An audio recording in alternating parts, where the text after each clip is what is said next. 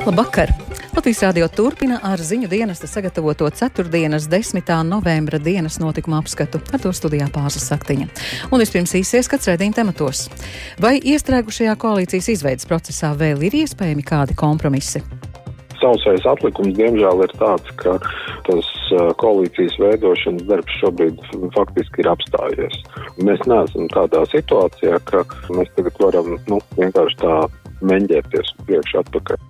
Ukrainas spēki ar vien vairāk tuvojas Hersonai.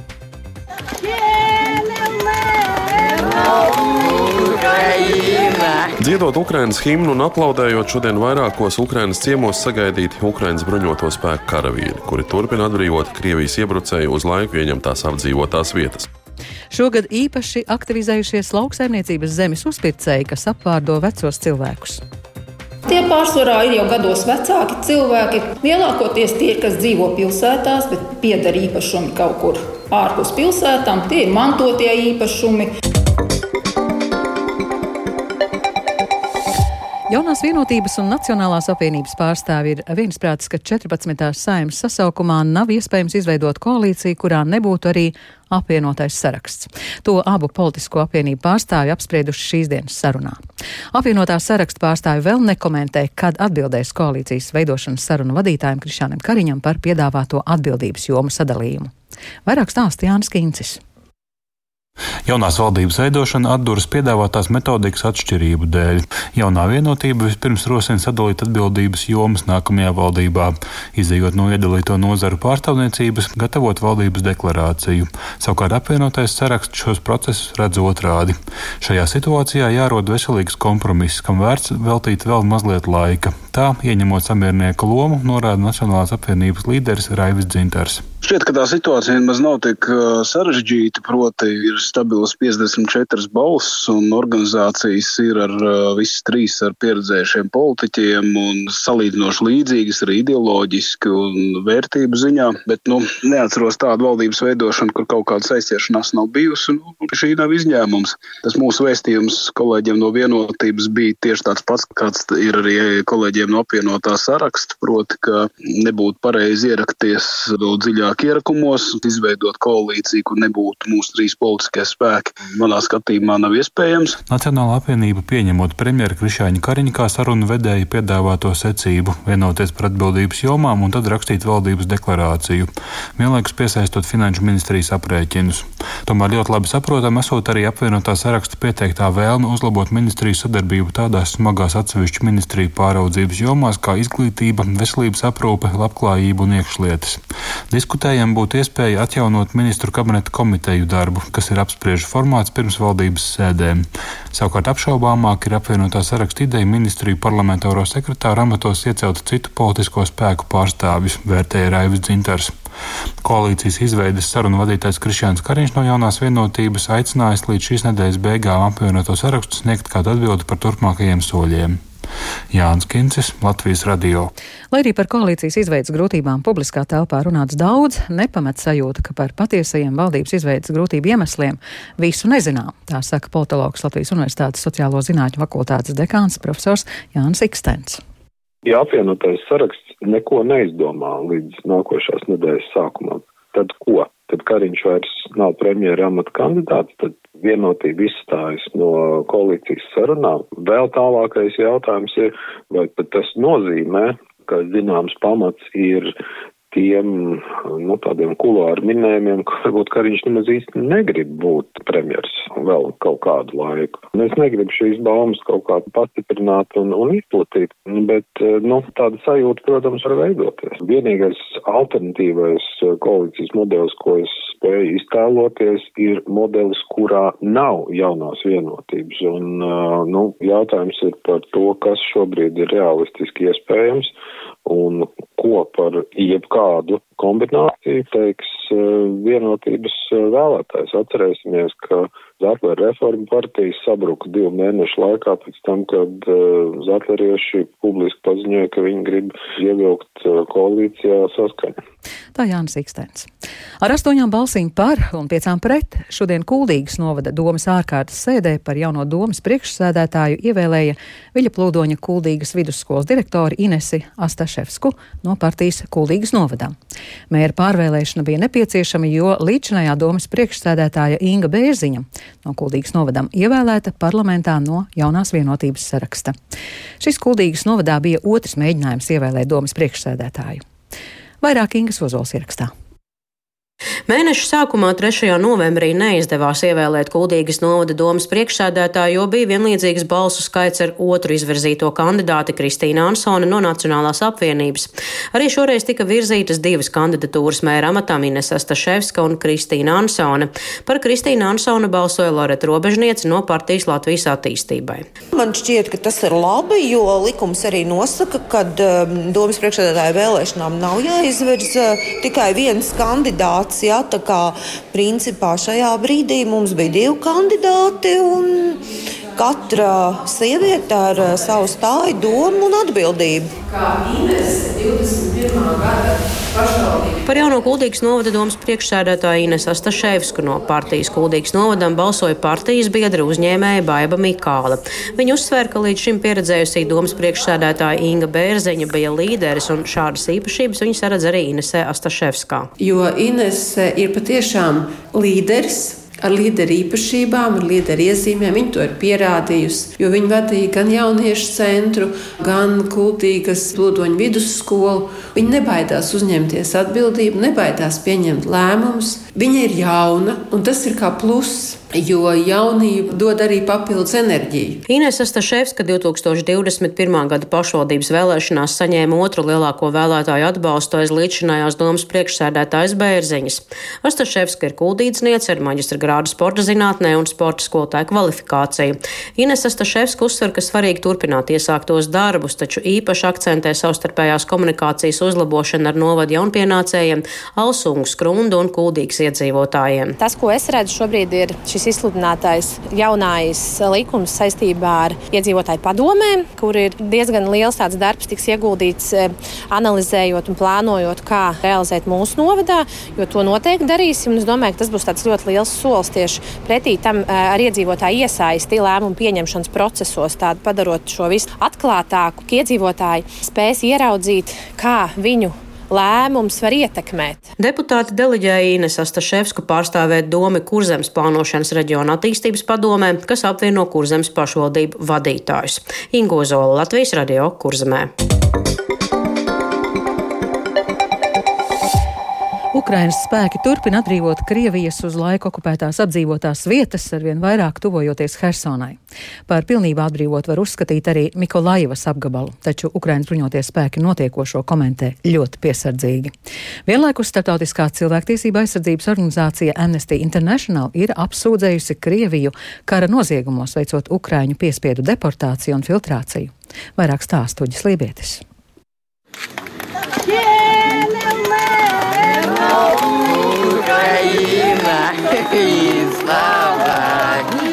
Dziedot Ukraiņas himnu un aplaudējot šodien vairākos Ukraiņas ciemos sagaidīti Ukraiņas bruņoto spēku karavīri, kuri turpina atbrīvot Krievijas iebrucēju uz laiku ieņemtās apdzīvotās vietas.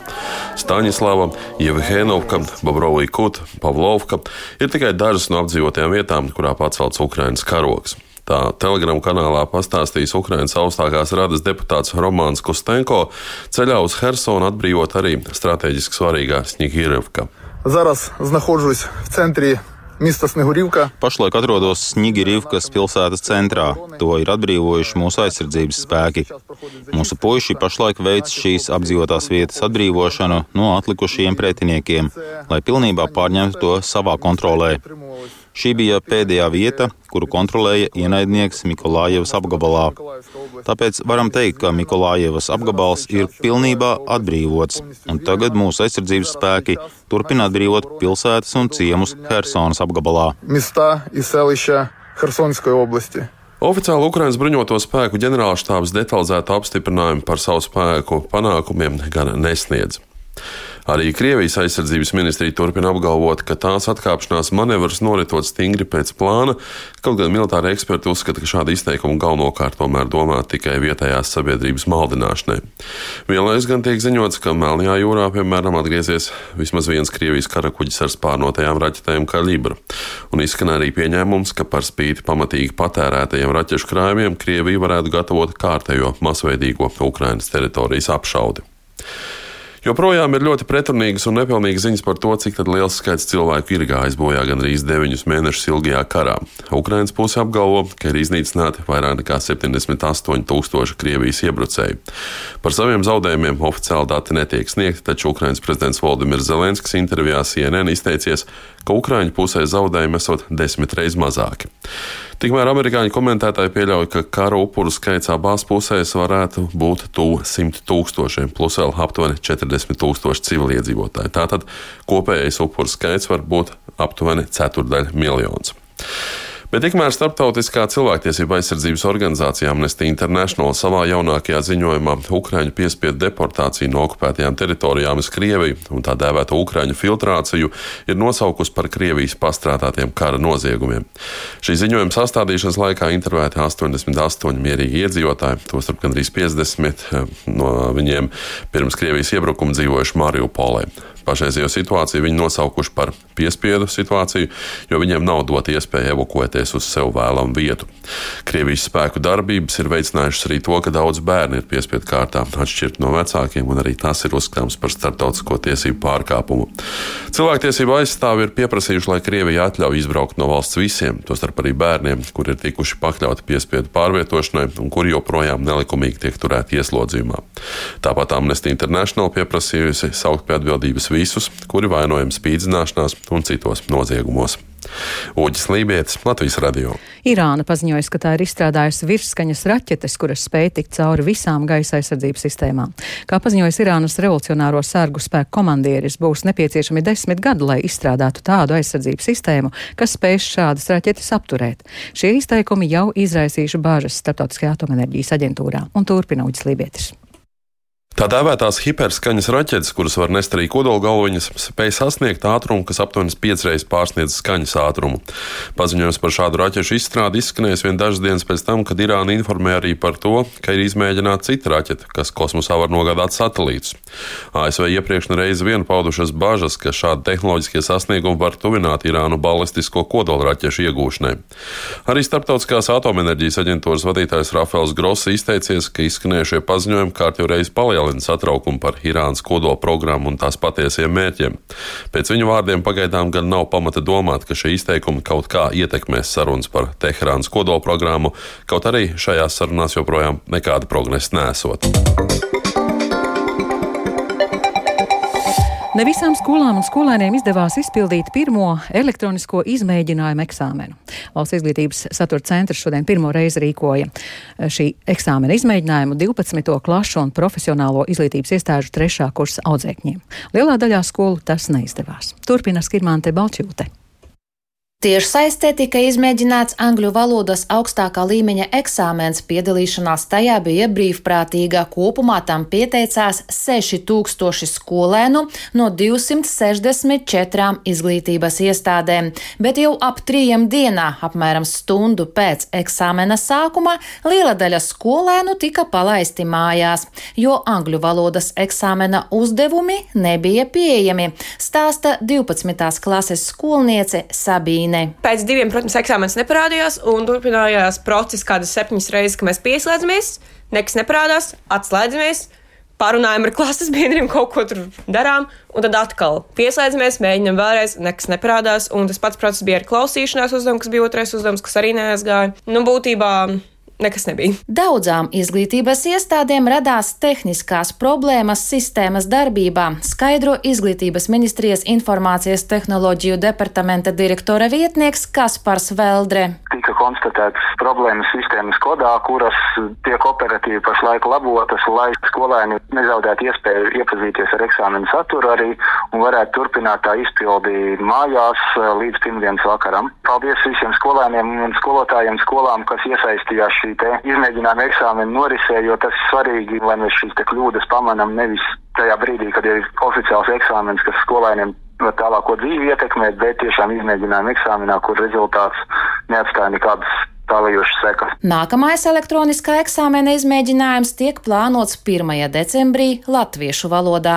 Angļu un latviešu valodas tika izvēlētas tāpēc, ka šos eksāmenus parasti kārto liels skolēnu skaits, stāsta valsts izglītības satura centra pārstāve Liene Bērziņa. Lai pārbaudītu to, cik labi strādā sistēma un viss eksāmena process, sākot no reģistrēšanās, beidzot ar visu eksāmenu norisi, ir svarīgi, ka ir liels pieslēgumu skaits, ka ir dalībnieki, rodās jautājumi, ka mēs risinām problēmas procesā un saprotam, kas vēl ir jāizdara, lai novērstu kādas tehniskas nebūšanas. Bet īsti augstākā līmeņa eksāmeni gada beigās elektroniskā formātā norisināsies programmēšanā, sociālajās zinātnēs, geogrāfijā, vēsturē, kultūrā un mākslā - priekšmetos, kuros ir potenciāli mazāks kārtotāju skaits. Skirmante Baļķūte, Latvijas radio. Vai ielu apgaismojums ciematos un kapličas kapsētās ir jāierīko par pašvaldības budžeta naudu vai finansējumu, ko uzņēmējiem un nevalstiskajām organizācijām sabiedrības ideju īstenošanai iedod valsts? Tādu jautājumu liek uzdot jaunākie lēmumi Ogres novada domē. Tur lielā steigā domas vadība ir nodibinājusi biedrību, lai būtu tuvāk naudas devējiem zemkopības ministrijai. Naudas gribētāju un devēju pārstāv viens politiskais spēks. Par to visplašāk Edgara Kupča ierakstā. Šodien ir pēdējā diena, kad zemkopības ministrijai pakļautajā lauku atbalsta dienestā biedrības var pieteikties 20 tūkstošiem eiro, lai par šo naudu izveidot vietējo attīstības stratēģiju, jeb izpētītu, kādas vajadzības novadā ir attīstāmas. Pēc tam jau biedrībām šo ideju īstenošanai tiks iedoti ap 60 miljoniem eiro. Uz finansējumu pretendēs arī biedrība Ogres novada attīstībai. To vakar izveidoja Ogres domas amatpersonas - izpildirektora vietniece Dana Bārbale, attīstības nodaļas vadītāja Aija Romanovska un domas deputāts Jānis Siliņš no Nacionālās apvienības. Šorīt īpaši sasauktā ārkārtas sēdē Doma lēma par iestāšanos nodibinātajā biedrībā. Tādu vajadzību pamatoja mērs Egils Helmanis no Nacionālās apvienības, atbildot uz kustības par deputāta Edgara Gribusta jautājumiem. Teorētiski tāda interešu konflikts it kā nav, bet man ir vairāk jautājums, cik ir ētiski, kad pašvaldības augstākās amatpersonas vakardien nodibina biedrību un šodien jau pašvaldība iestājās šajā biedrībā. Es gribētu teikt, ka cik ir ētiski, kad pašvaldība domā, kā attīstīt savu lauku teritoriju, kā palīdzēt uzņēmējiem, apgaismojums no vienu gadu, otru gadu, no trešo gadu. Turkalnē šis apgaismojums parādās, tad tas ir ētiski. Ja mēs to nevaram izdarīt, tad tas nav ētiski. Mēs cenšamies attīstīt novadu. Klaja, kā saka, labas pārvaldības procesa ignorēšana. Tā es to varētu nosaukt. Ogres domas pēkšņās darbības pārfrāzējot vienkāršāk, ir secināms, ka Nacionālās apvienības vadītās domas augstākās amatpersonas ir pašas izveidojušas biedrību, ar ko piesaistīt valsts un Eiropas naudu no lauku atbalsta dienesta, kas politiski aizvien ir pakļauts Nacionālajai apvienībai.